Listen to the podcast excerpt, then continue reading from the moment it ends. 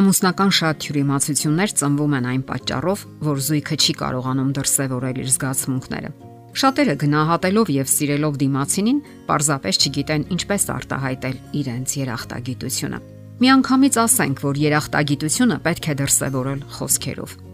Որոշ մարդիկ կարծում են, որ սերն ու երախտագիտությունը զգացմունքներ են եւ վերաբերմունք, եւ որ դրանք անհնար է արտահայտել խոսքերով կամ էլ դրա կարիքը բոլորովին չկա։ Մյուսներն էլ լռում են, ենթադրելով թե ամուսինը առանց այդ էլ գիտի իրեն զգացմունքների մասին։ Սակայն ճշմարտությունն այն է, որ զգացմունքներին պետք է բառային տեսք տալ։ Եվ այդ դեպքում հանկարծ ողրվում է, որ սերն ավելի խոր է, քան կարելի է ենթադրել։ Սա կարևոր է հատկապես կանանց համար, որոնք սիրում են լսել սիրո խոսքեր եւ կիսվել հույզերով։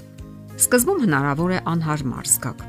սակայն պետք չէ նահանջել, որովհետև դուք ճիշտ ուղու վրա եք։ Ձեր ամուսինը կարիք ունի ձեզանից լսելու, թե հոգու խորքում ինչ եք զգում իր հանդեպ։ Տնային տնտեսության կարգավորումը, նյութական սատարումը, սիրած ճաշատեսակների պատրաստումը բավական չեն երախտագիտությունն արտահայտելու համար։ Այդ բոլորը չեն կարող փոխարինել անհրաժեշտ խոսքերին։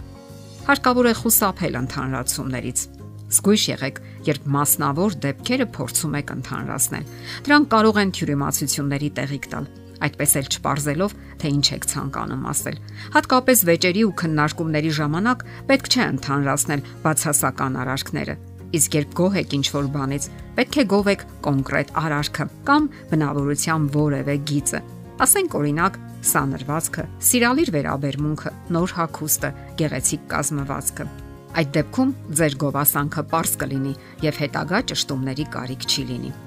Նաև ասենք, որ գովել, գովաբանել չի նշանակում շողոքորթել։ Դրա կարիքը չկա։ Շողոքորթությունն ու գովասանքը միանգամայն տարբեր բաներ են։ Առաջինը կեղծ է, կեղծավոր, իսկ երկրորդը անկեղծ սրտից է բխում։ Առաջինը եսասիրական է, եսասիրական նպատակներ է հետապնդում, իսկ երկրորդը պատասխանում է ամուսնու պահանջներին։ Առաջինը ամենուր հանդիմանության է հանդիպում, երկրորդին բոլորն են սпасում։ Ժողովրդական ասացվածքը դիպուկ է բնորոշում շողոքորթություն երևույթը։ Մի վախեցիր ճշնամիներից, որոնք հարցակվում են քեզ վրա, այլ վախեցիր նրանցից, ովքեր շողոքորթում են քեզ։ Ըստ արժանվույն գնահատականը եւ գովասանքը հիմնվում են բնավորության իրական գծերի եւ իրական արարքների վրա։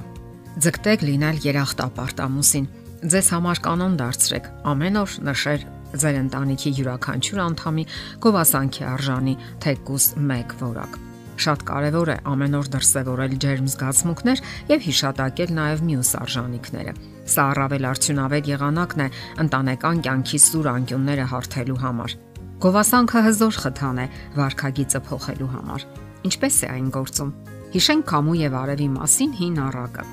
Նրանք վիճում էին, թե իրենցից ով է ավելի ուժեղ։ Ես կապացուցեմ, որ ես ավելի ուժեղ եմ, ասում է Քամին։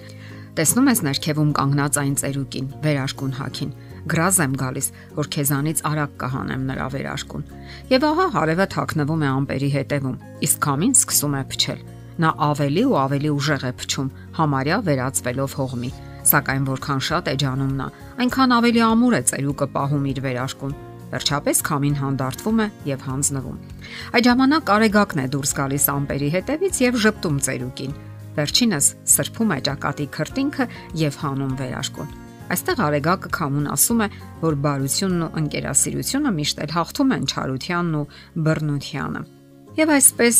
ձեզ դուր չեկած արարքը կամ խոսքը քննադատելու փոխարեն կարող եք գովաբանել բարի արարքի կամ լավ խոսքերի համար բարի եւ ջերմ զգացմունքները ողջունելը եւ դրանք ծափահարելը մի մեթոդ է, որը հրաշքներ է գործում ինչպես մեծահասակների կյանքում, այնպես էլ երեխաների։ Բանաստեղծ Ռոբերտ Բրաունինգը գիտեր, թե ինչպիսի դեր են խաղում դրական հույզերը մարդու կյանքում։ Նրա սերն ու հիացմունքը նոր կյանք է ներշնչում Էլիզաբետ Բարետին։ Դաստիարակվելով 11 երեխայից կազմված ընտանիքում նա տարապում էր բռնակալ ու դաժան հոր լծի տակ հոր կատաղության նոպաները եւ անխնա հսկողությունը բազմաթիվ տարիների ընթացքում պատճառ էին դարձել, որ զգայուն Էլիզաբեթը գամվի անկողնուն։ Նրա կյանքը կարող էր երկար շարունակվել այդպես, եթե մի օր նրան չհանդիպեր Ռոբերտ Բրաունինգը։ Բանաստեղծի աչքին համարյա 40-ամյակինը ոչ թե անօքնական տարեց հաշմանդամ էր, այլ հիանալի եւ տաղանդավոր հոգի։ Նրա բարերար ազդեցության շնորհիվ Էլիզաբեթի մոտ զարմանալի ինտունակություններ են զարգանում։ Նա ծաղկում է նաև արտակնապես եւ աշխարհը իմանում է նրա մասին։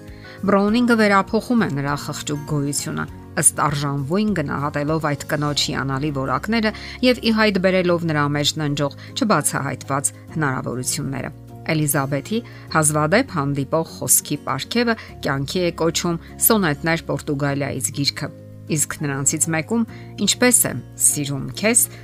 նա արտահայտում է այն վերափոխությունը, որ տեղի է ունեցել իր կյանքում Ռոբերտ Բրոունինգի շնորհիվ։ Ամուսնության մեջ մենք միշտ ազդում ենք միմյանց վրա, կամ դրական կամ բացասական առումով։ Մենք ընդունակ ենք ապակինել կամ էլ վիրավորել միմյանց, նոր կյանք ներշնչել կամ էլ ամայացնել, օգնել կամ արգելք լինել։